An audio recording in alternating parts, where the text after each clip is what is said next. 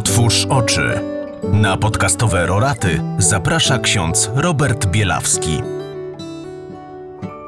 Szczęść Boże, jaki obraz w ten czwartek zostawia naszym oczom Jezus? Pokazuje niebo, które od czasów Jana Chrzciciela jest nieustannie krzywdzone, niszczone i ci, którzy pragną je zniszczyć, chociaż nigdy nie będą tego potrafili, to je rozszarpują. I dodaje, że do Jana żyli tacy ludzie, którzy prorokowali, czyli zapowiadali przyjście Jezusa, odczytywali znaki, które Bóg dawał, mieli z Bogiem rozwinięte relacje.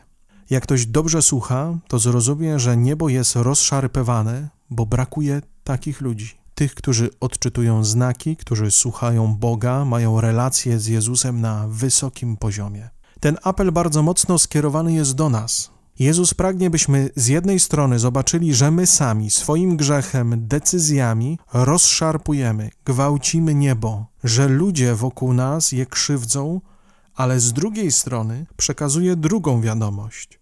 Stań się moim prorokiem. Nie musisz opuszczać swojego domu, wychodzić na pustynię, jeść robaki i miód, jak Jan Chrzciciel, bo twoją pustynią jest twoja własna rodzina, twoje serce, plebania, które potrzebują tego, kto będzie potrafił wsłuchiwać się w słowo Boga, kto będzie budował mocne relacje oparte na prawdzie, miłości, wierze, prorokiem, który będzie zapowiadał przyjście Jezusa.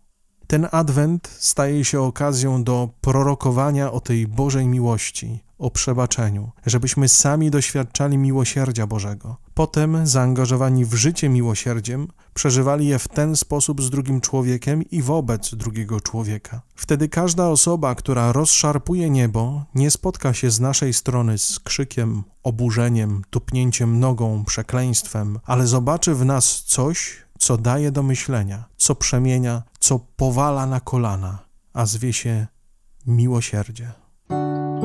Wyzwanie. Chciałbym, żebyś dzisiaj coś sobie znalazł w internecie, bo zapewne tylko tam będziemy potrafili to znaleźć i przeczytał. Jest to list z 2016 roku, który papież Franciszek skierował do arcybiskupa Rino Fisichellego z okazji ogłoszenia Roku Miłosierdzia. Życzę Wam dobrej lektury, błogosławionego czwartku i do usłyszenia.